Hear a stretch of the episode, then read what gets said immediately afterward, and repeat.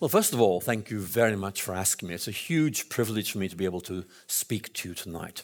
And what I'm going to do is, I'm going to begin by telling you something about how I became a Christian. I'm going to focus on the role of Christian students in dealing with my questions and helping me to move on.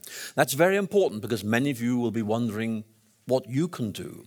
And I'm going to tell you what students did in the past which helped me so much. And I think you'll find that encouraging. Then we're going to start talking about, um, you know, building a Christian mind. They're going to talk to you about Christ's commandment to love the Lord your God with all your heart, with all your soul, and with all your mind. Because that's really important. And we'll, we'll, begin to open up some really important questions. But I'm going to begin by simply telling you my story um, because I was an atheist as a teenager. I was very aggressively atheist. In fact, when I read people like Richard Dawkins these days, I get very nostalgic because that's what I was like when I was 16 years old. But I've moved on since then. But I think that the main point I want to make is this that um, I was an atheist because I believed that because I loved science, I couldn't be a religious believer. Uh, I also had this. Um, had this, this is back in the 1960s when everything was changing, and I had a desire to feel, you know, that I was at the cutting edge of cultural change. And it was very trendy back then to be an atheist. And uh, I was an atheist for a number of reasons. I think one of them was my feeling that atheism, that, that, that, that, believing in God was really some kind of wish fulfillment. In other words, it's an invention which is really designed to, um, to, to reinforce very inadequate people. And I felt very strongly that this was simply a delusion, and that the great thing about atheism was you could show it was right.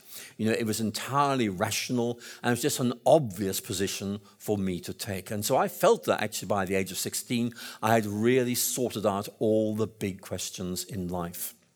However, there were some lingering questions, and here's one of them.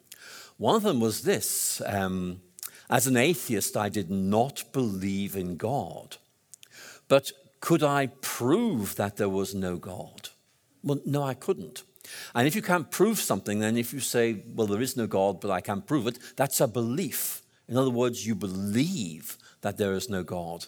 And I began to realize there seemed to be a problem with saying I was an atheist when I couldn't say I know there is no God. I could just say I think there is no God. And so I began to experience some, some anxieties about this. I thought, is my atheism really as solid, really as reliable as I had thought?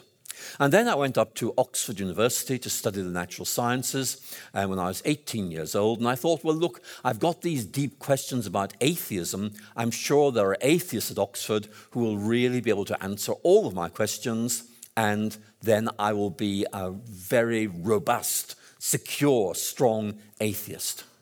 But it didn't work out like that because I did indeed find lots of interesting people to talk to at Oxford. Most of them were students, and a lot of them were Christian students.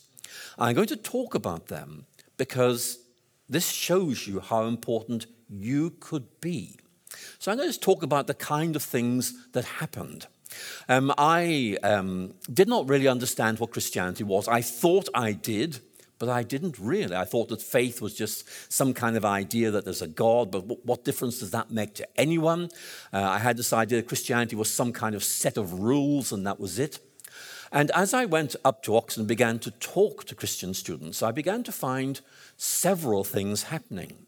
Number one was that Christianity turned out not to be what I thought it was. In other words, talking to Christian students, even while all I was doing was asking them, Tell me how you understand your faith. That actually really made me realize I had not understood what Christianity was. In other words, I had rejected a, a misunderstanding or, or, or a caricature of the real things. And the people that helped me to realize this were just ordinary students who weren't answering difficult questions. They were simply saying, Let me tell you how I understand my faith and the difference that this makes to my life. Now, that I think is important because um, uh, what I began to realize very quickly was that um, I had simply not understood what Christianity really was. And um, a, a mental note I made at that stage is that perhaps one of the best defenses of Christianity is simply to explain what it really is. Because there are so many misunderstandings around.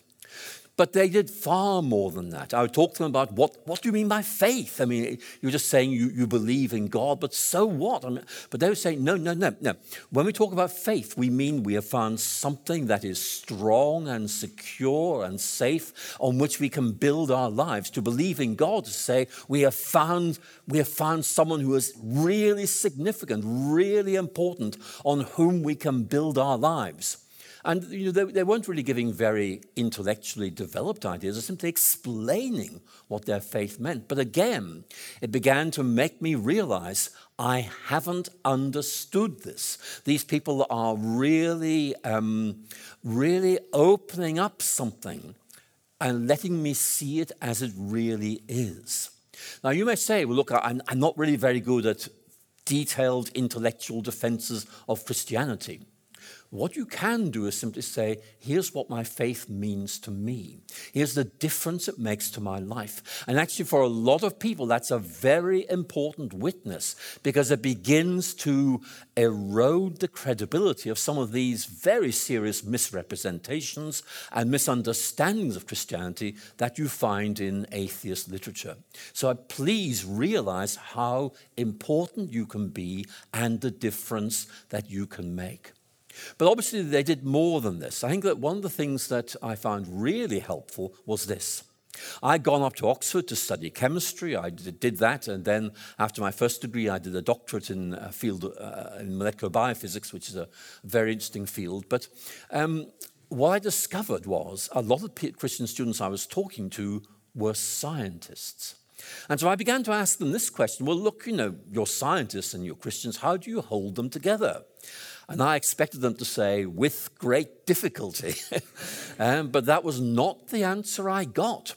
Um, I got the answer well, look, this is a complicated world, and our faith helps us understand part of it. Our science helps us understand a different part of it, but uh, they're just different. They're not incompatible. And uh, as I talked to them, I began to realize these guys had thought this through.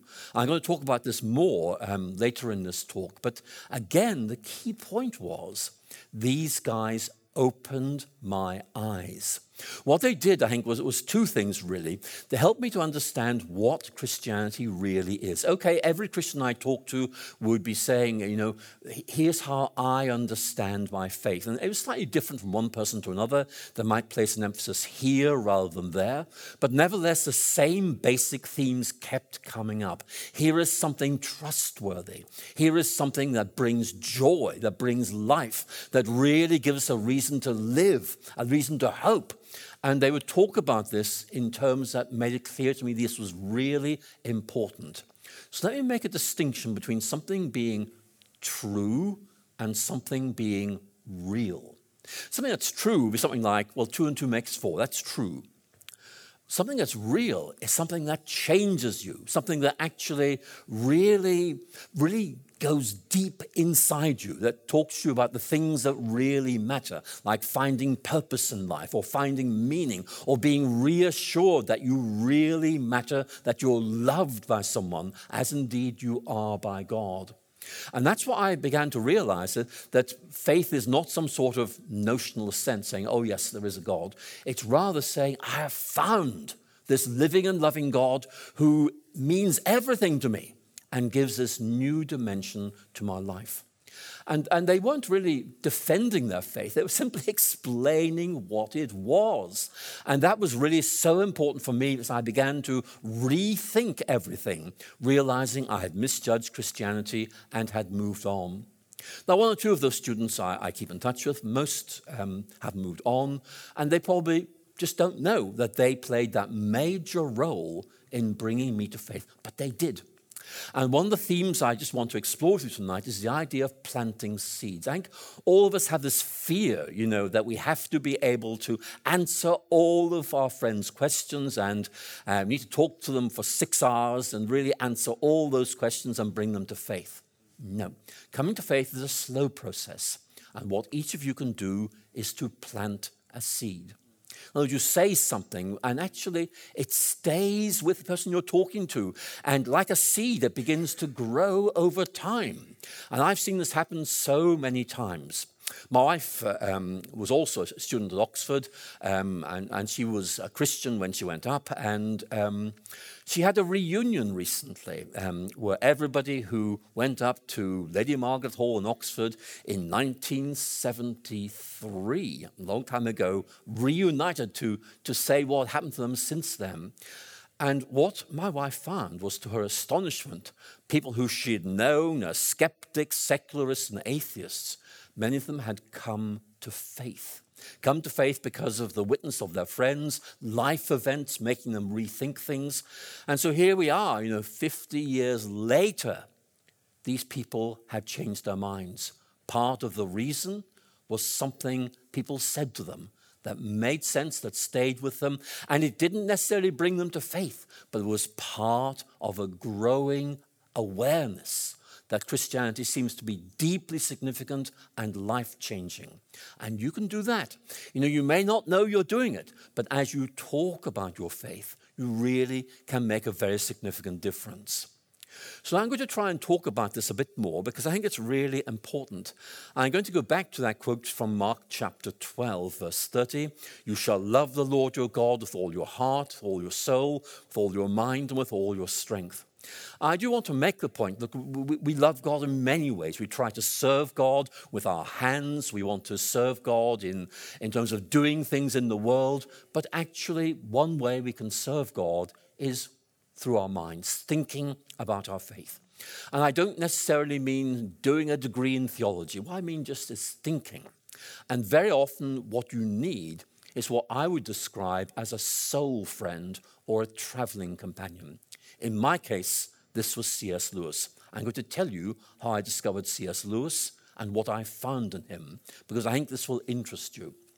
As I mentioned, you know, Christian students were really helpful in, um, in getting rid of my preconceptions, my misconceptions about what Christianity really was. And they were very good at helping me to um, think some things through. But in many cases, I would ask them a question like, well, look, why do Christians believe in the Trinity? That's terribly complicated.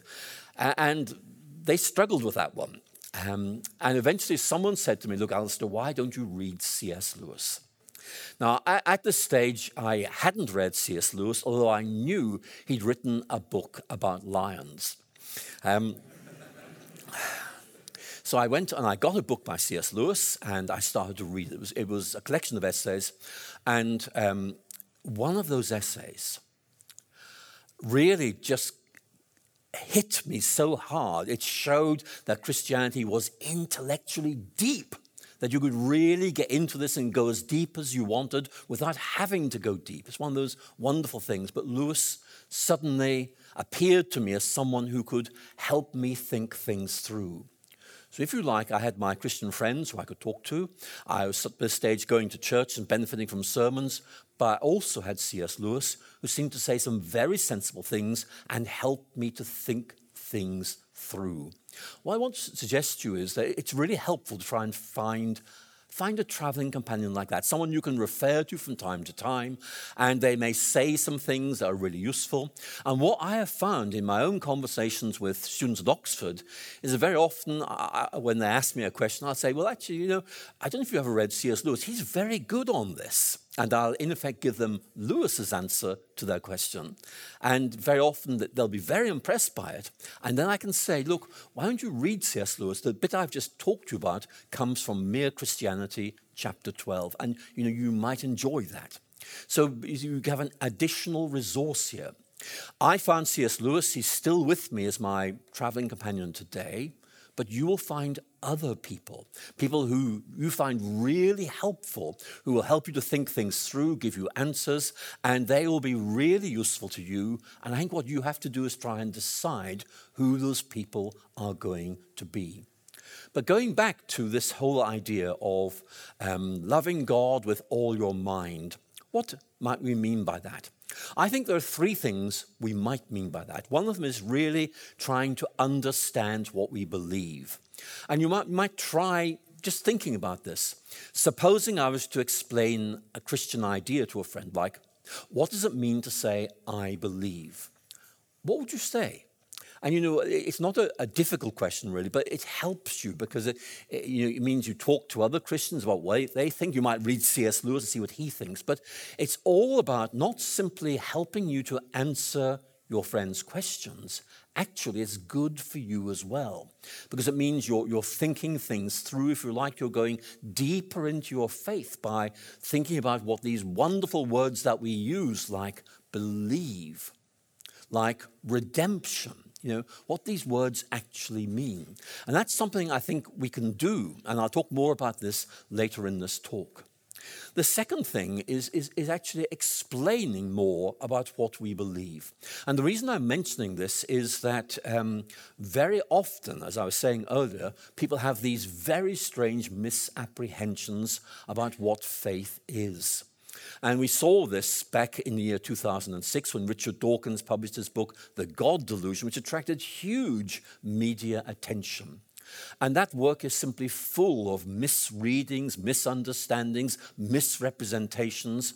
And very often, I and many other Christians found that you know, when someone asked us, why are Christians so stupid to believe this? I'd have to say, look, I think you may have misunderstood what this is all about. They'll say, well, it's what Richard Dawkins says. And I'll say, well, look, Richard Dawkins doesn't always get things right. And, you know, what you can say is, look, you know, you're criticizing Christians. Do you mind? I, I'm a Christian. That isn't actually what we understand by this. Let me try and explain to you what we do think about this. So again, you're not being asked the deep questions like, why is there evil in the world?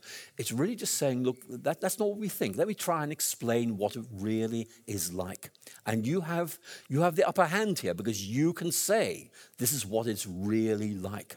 I think that is very important. But there's a third point I want to make, and it's this. You can also explain the difference that your faith makes to you. Now, let me emphasize that point again. Not just here's how I understand my faith, uh, it's, it's really because I believe in God, because Christ is my Savior, this is the difference it makes to me. Now, each of us will probably give a slightly different answer to this question. But if I was to be asked that question, I'd say something like this What my faith says to me is that Though I'm not really very good or a very nice person, there is still someone who really loves me and wants me and wants to use me in some way in the world. Yes, there's a lot wrong with me, but God deals with that in Christ and loves me and accepts me. And so I know that wherever I am in life, I'm never on my own. And very often I'll quote Psalm 23, which is a wonderful verse, uh, psalm to use when you're talking to your friends. You know, even when I'm going through the valley of the shadow of death, I'm not on my own. My God journeys with me. Wherever I go, He's with me. I'm never on my own. And I find that hugely important. And you might give a different answer, and that's great but just explaining the difference that your faith makes to your life really will have a big impact. Because first of all you're saying your faith is real. You know it actually makes a difference. And secondly your friends will go away saying oh that's interesting. I wasn't expecting that.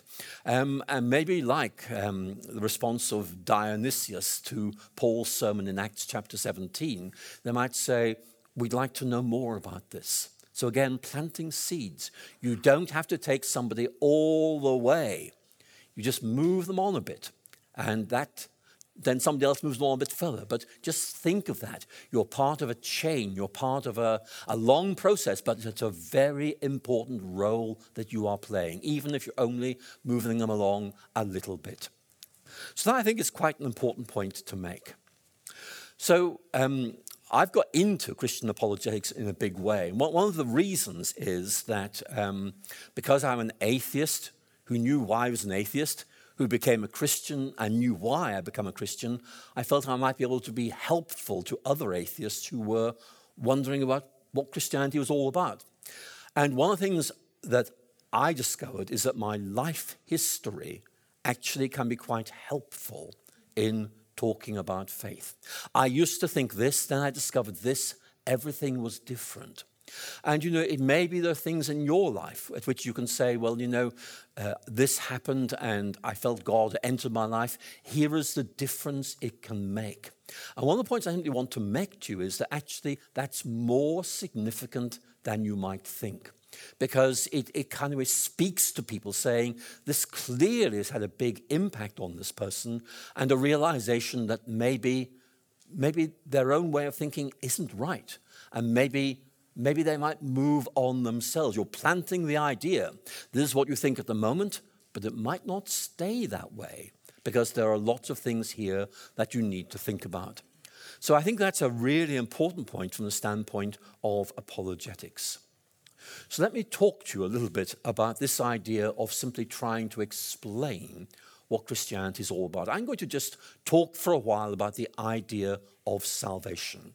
I want you to imagine that um, you're having a conversation with your friends and, um, and you're talking about the difference Christianity makes to you. You might mention the fact that you are saved or that salvation through Christ is really important. And your friends say, Well, that's interesting. What do you mean by salvation? Now, what I want you, you, you to realize is that we very often see a question as a threat. Oh dear, this question might be too hard for me to answer. No, it's an opportunity because you're being asked to talk about something really important. And you can begin by saying, Look, I'm very happy to talk about this. I'm not the best person to, but let me, let me sketch something of an answer. You can, you, can, you, you can cover yourself so you don't feel you have to give a definitive answer. But here's what you might say. You might say something as, well, look, this, this idea of salvation, it's, it's re- a really rich idea. And in the New Testament, we find Paul and other writers talking about the difference that believing in God, in Christ, really makes. And, and, and one, of the, one of the ideas, actually, it's a really interesting idea, is that um, salvation is all about the idea of forgiveness, that actually we recognize we have messed up in a big way, but we also realize that, in fact, something can be done about this. It's a bit like a, a, doctor diagnosing a condition. The diagnosis is saying there's a problem, but then you go on and say, but something can be done about this. So you, salvation is really saying um, there is something wrong with us, but something can be done about this. It's negative, it's positive. Negative is as things stand, they aren't right, but something can be done about this. And for two years, I was a student at the University of Cambridge. Um, and some of you may have seen the Chapel of King's College in Cambridge. Um, they broadcast a Christmas Eve service from there every year, and zillions of people tune in. But there's a beautiful picture on at the front of the chapel. And while I was a student at Cambridge, some vandals broke in and took a knife to it and cut, cut it to bits. And people were very, very upset. But the college put up a notice in front of the picture. It is believed that this masterpiece can be restored. In other words, it's about the hope of restoration. And so salvation is really saying that God is able to take us and do something to us, able to change us, able to bring us hope. And part of this is about being forgiven, part of it is being reassured that um, uh, we are uh, able to draw close to God and to, to be in His presence. But a very important theme is that um, it's about realizing we have hope in the face of death. It's about realizing that we are ill, but we can be healed. It's about, in effect, saying we can be forgiven and renewed.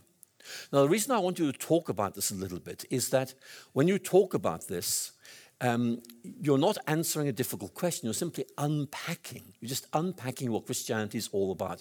So you can say, well, look, what, one key idea that Christians have is that um, um, we are ill, but Christ is able to heal us. And it's all about, in some way, Christ's death being able to make us new people. We accept this, we admit we need this, and as a result, something new begins. And I sometimes find the analogy of penicillin really helpful in explaining this. Why do I choose penicillin? Well, you see, I'm from Oxford, and the first ever clinical trials of penicillin happened in Oxford. So I want you to imagine that you know you're ill, and there is a bottle of penicillin there. Okay? So, does, does knowing that the bottle of penicillin is there, does that heal you? No. What you have to do, you have to take it and make it part of you so the medicine can begin its healing process. And in many ways, that's one points you want to try and make about faith. Faith is not believing that, there's a God. It's about saying, and I, I take the medicine the gospel is offering me. So it brings me forgiveness, healing, renewal. But I have to take that. I have to, in effect, accept this. Faith is about, in effect, allowing God to take that step of healing us and renewing us. So, what I'm saying to you really is explaining your faith, just trying to unpack it, explain the difference it makes to you, that is really quite important. But let me move on now and talk about something else that I think very often um, is happening. And that is that um, very often um, your, your, your, your, friends will say to you, Well, look, um, you, you talk about believing in God. Can you prove you're right? And uh, I think a lot of us find that a very challenging question to answer. So, what I thought I'd do is just talk about that a little bit because, again, this is important for me as I transitioned from atheism to Christianity. So, let me just give you some ideas in case these are helpful to you in any way. I want you to do a mental experiment. So, the mental experiment is simply this I'm going to ask you to think of some things in life of which you are absolutely certain. You know that they are right. I'm going to give you some examples, okay? You, you think about what you might put on this list. Here are the examples I might put on my list. Number one, two and two make four. Now, I think we can be absolutely certain about that. Here's one from Britain Queen Victoria died in 1901. Now, I'm absolutely sure about that historically. And I can give you more example, but already I think a lot of you will be saying, well, look, these may be absolutely certain, but they make no difference to anyone. They're just insignificant. What's the point in knowing these things? And you see, that's the point. If you think about truths that really matter, that change people's lives, they all lie beyond truth, proof. Um, at Oxford, we have a very famous philosopher called Sir Isaiah Berlin. He died some years ago, but he, he was very, very good on the question I'm just talking about. He said, look, all our beliefs in life, uh, they, they fall into three categories. Those that we can show are right by science, those we can show are right by logic, and there's a third group in which we, we can't show they're right at all. And his point was simply this every belief that really matters is in that third category. So you see, an atheist can't prove there is no God. Richard Dawkins took part in a debate at Oxford um, in 2012, and um, he criticized his Christian opponent, who was Rowan Williams, then Archbishop of Canterbury, for not being able to prove there was a God. But Rowan pushed back and said, Well, can you prove that you are right, that there is no God? And of course, Dawkins couldn't. And he was put in a very difficult position of, in effect, saying, um, I cannot prove the core of my atheist life view. And the, the, the, British philosopher who was chairing this debate was astonished. He said, So you are the world's most famous atheist, and you, in effect, are an agnostic about whether you can show there's a God or not. And Dawkins said, I guess I am. So, what I want to say to you is very often as Christians, we feel a bit awkward. You know, we say, well, look, we have all these wonderful ideas, they are so exciting and interesting, but we can't prove they are right. Well, listen, all of humanity is in precisely the same boat. You can prove very shallow truths, two and two make four. Queen Victoria died in 1901. But really big ones, like, here's what the meaning of life is all about, here's what is good and important. these things really lie beyond proof, and therefore nobody can be really sure about them. We, we know in our hearts these are right, our Christian beliefs. But we need, you just need to be aware that your atheist friends will have real difficulty in proving their own beliefs. And very often they'll say, well, look, we don't need to prove our beliefs, you know, because they're, they're just right. But you need to say, look, I'm, I'm sorry, that's not good enough. You're asking me to prove mine. I'm asking you to prove yours as well. So that's what I want to, to suggest to you. But again, I want to come back to the point that um, I made right at the beginning of this talk, which was how important it was for me as a scientist who had believed that science and faith were incompatible when I met lots of intelligent Christian students doing science who said, that's not the way we see it, and explained to me why it was. If you're a scientist here tonight, well, you know, you could play a really important role. You can begin to explain to people that actually it's just not like that, that you're able to hold these things together. And you might do this in two different ways. One is to say that our world is very complex, we need lots of different windows to be able to make sense of it, and one of those windows is science, and another is the Christian faith. Um, and between them, they give us this rich vision of reality, but they're, they're, they're in effect giving us access to different truths. For example, um, you know, I, I'm, I'm a Christian, I love my faith. Um, but my faith doesn't tell me what, you know, what distance is of the sun from the earth. Doesn't need to, you know. Uh, and likewise, you know, science is just no good in trying to tell us about meaning or values or anything like that. They're different.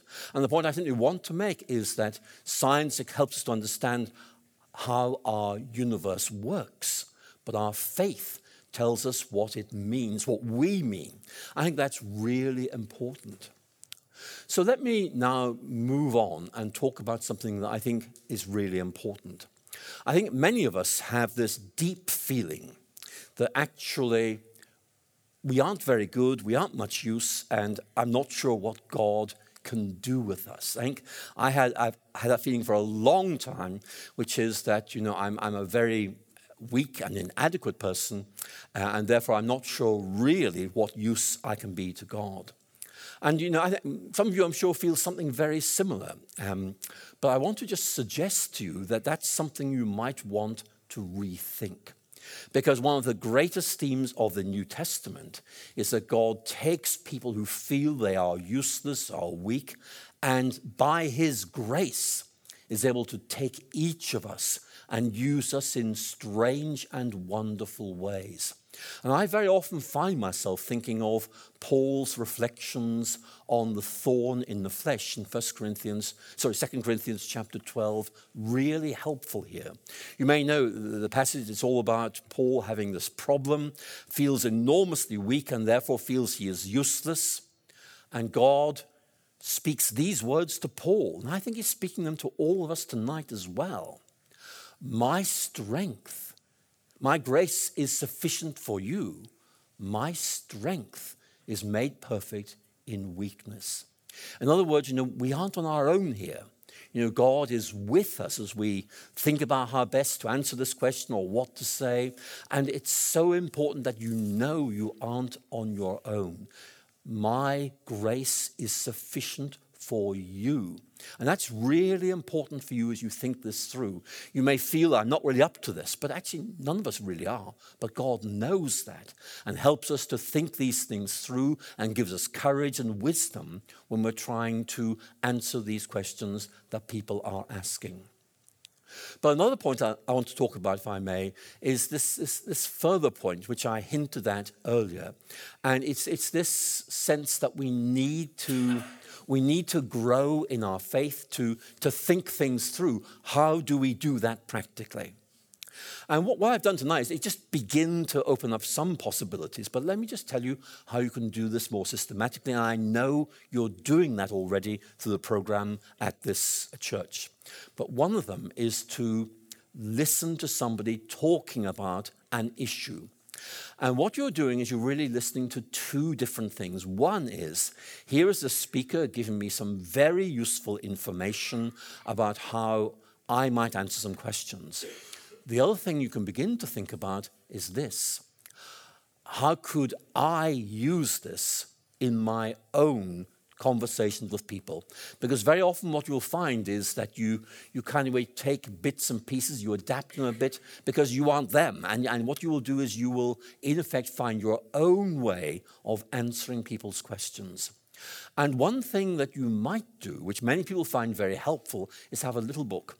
And you might just say, uh, I, I, often get asked these questions. You write down, say, four or five questions that sometimes people ask you about your faith, and you begin to jot down things that you've heard people say, things that you've read somewhere. And, and as you begin to do this, what you'll find is you begin to see a way of answering that question.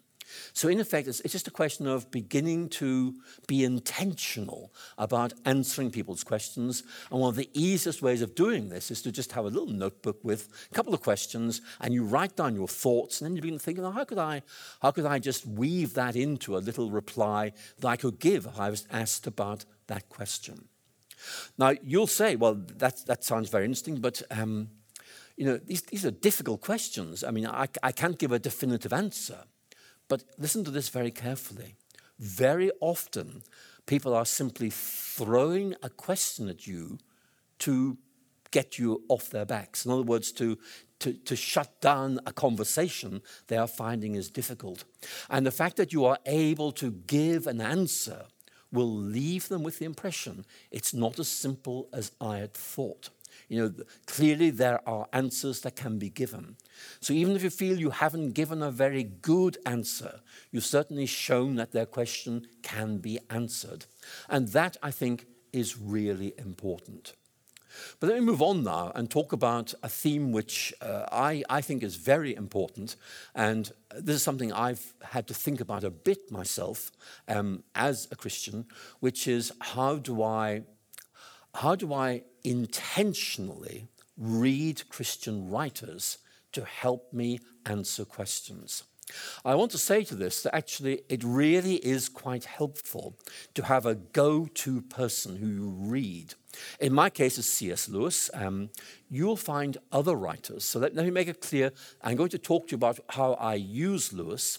But I want to say to you, there are other people you can look at, and you may well find that they are more helpful to you. But Lewis is someone I found to be really helpful. And so Lewis is very good in several ways. One of them is this. First of all, he very often is good at dealing with people's objections to faith. In other words, he's able to, um, to show us that there are other ways of looking at things. And one of Lewis's key approaches to apologetics is what he calls suppositions. I'll say that word again suppositions. In simpler language, Lewis is saying, suppose this was really true, what difference might it make? And Lewis is really asking people to um, enter into a kind of mental experiment. And that's why he wrote the Chronicles of Narnia. And many of you will have read those. And actually, they are quite helpful because what Lewis is really saying is supposing you were to step into this world, what would it feel like? How would you make sense of this world? What difference would it make to you? And it's a very good way of beginning to engage apologetic questions. For example, if you think of um, those who've read The Lion, the Witch, and the Wardrobe, the children go into Narnia and they hear different stories being told about it. It's the realm of the White Witch. No, no, it's the realm of Aslan, who isn't here at the moment, but he'll come back. And when he does, everything will be different. How do you check out which story is right?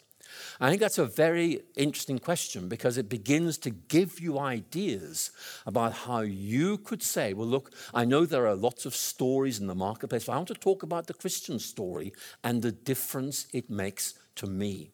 And one of the points that comes out very clearly in the Chronicles of Narnia is this. The children discover in this book and indeed throughout the whole series that when they allow their story to become part of the bigger story of Narnia, they're given a sense of dignity, a sense of purpose, a sense of meaning that they otherwise wouldn't have.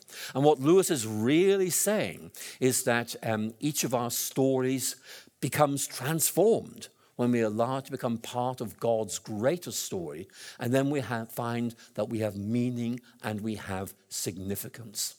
Now, I think Lewis is very helpful there, but there are other writers who you can study. But Lewis is very good at another level because I've been talking a bit about how you might meet other people's questions. But very often, you know, the question they're going to ask you was, is to tell me what you find so interesting about faith. And that gives you the opportunity to take the initiative. And one of the things that Lewis does very, very well is to show us how the Christian faith relates to experience. Now, some of you may know this. If you don't, you may find this quite helpful. Lewis argues that there is a very common shared human experience, which is a sense of longing, a sense of desire for something that really satisfies us, and our sense of frustration that we never seem able to find something that's able to do that. And many of you will know that experience. It, it, it's very, very significant. And one of the points that Lewis makes is that God created us to relate to Him. And so if we don't relate to God, there's a deep emptiness within us which nothing in this world is able to fulfill. In other words, that God creates the sense of dissatisfaction to help us discover Him and come home to him. So, what Lewis is, is, inviting us to do is to, in effect, say, Look, I don't know if you've ever had this experience of feeling that you know, something really important in life, but you haven't found it yet. And you, you try all kinds of substitutes and they don't work. But actually, what if God is what we're really looking for? This is Lewis's idea of a supposition. Suppose God really is the one who made us to, to achieve joy and peace and hope by finding God. Well, wouldn't, wouldn't this make sense? That in effect, God has planted a homing instinct within us so we find our way back to God. You might like to think of, of a very famous phrase from Pascal, which is often quoted a God shaped gap within us. It's a useful idea. If there's a God shaped gap within us, the only one who's going to fit that gap is going to be God. So, see, you, you can begin to just plant these seeds, give, get these ideas into people's minds, and see where it takes them. Another thing you can do, of course, is to form little focus groups. Now, in fact, I'm sure you're doing this here, which is really just saying, look, um, let's talk about a problem. I want everybody to tell us what the most helpful thing they have heard said about this is. And so, what you're doing is you're pooling wisdom. Uh, and in fact, it doesn't matter if um, you, you, feel you haven't said anything very significant because it's, it's, a, it's a cooperative effort. But what you may find is that people say things that you find really helpful.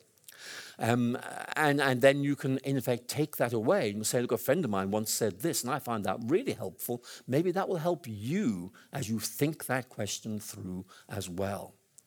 So let, I'm going to wrap up in a moment because we can have plenty of time to Q&A for just taking this in any direction you'd like. But let me give you some reassurances. Here's the first one. God is able to take us and use us in ways that surprise us.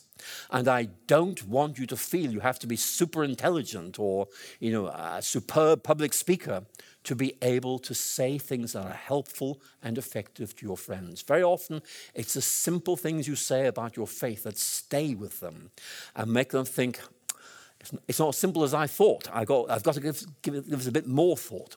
So that is a very important thing to say. Second point, you are not being asked to convert them on the spot. It's simply saying something and makes them think, ah, I need to think some more about this. So that, that sounded interesting. I wonder where I can learn more. So, in effect, it's about just moving people along, even though it's only a little bit. That really is helpful.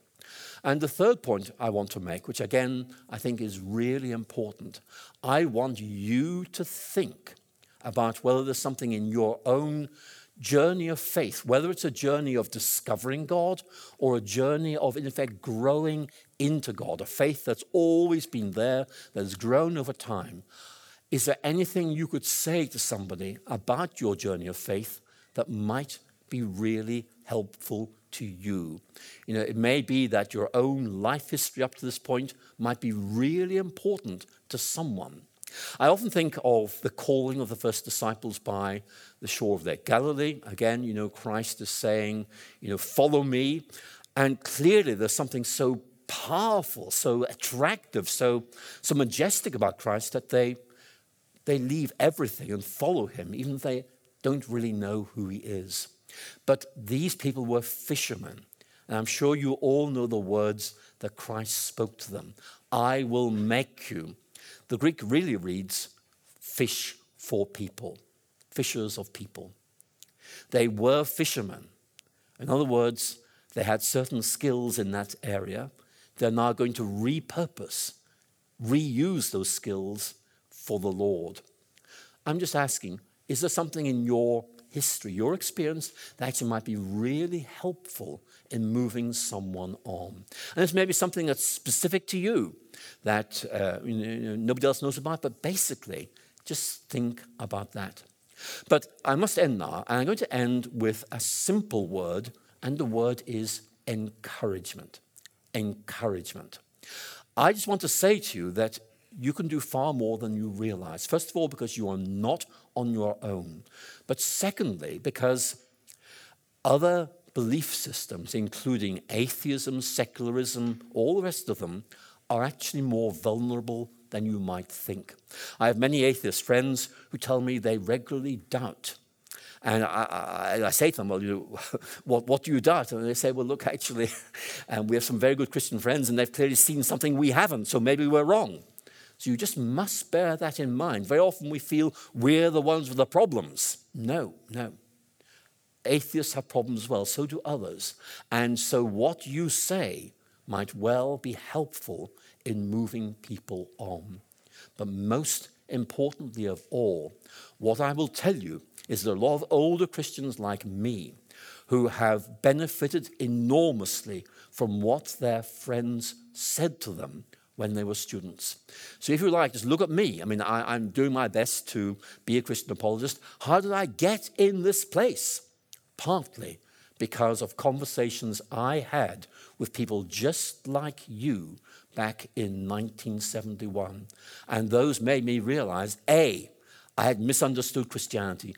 B, there was clearly something deep, significant, and wonderful at the basis of this, which I had missed and C. These people could point me to ways in which I could find out more about those. So I hope that does encourage you. And obviously, there'll be many questions you'd like to ask me, and I'm going to, we're going to have a good Q&A session. You can ask me any questions you like, and I'll do my best to answer them. But the one word I want you to take away with you is, well, it's two words actually, be encouraged.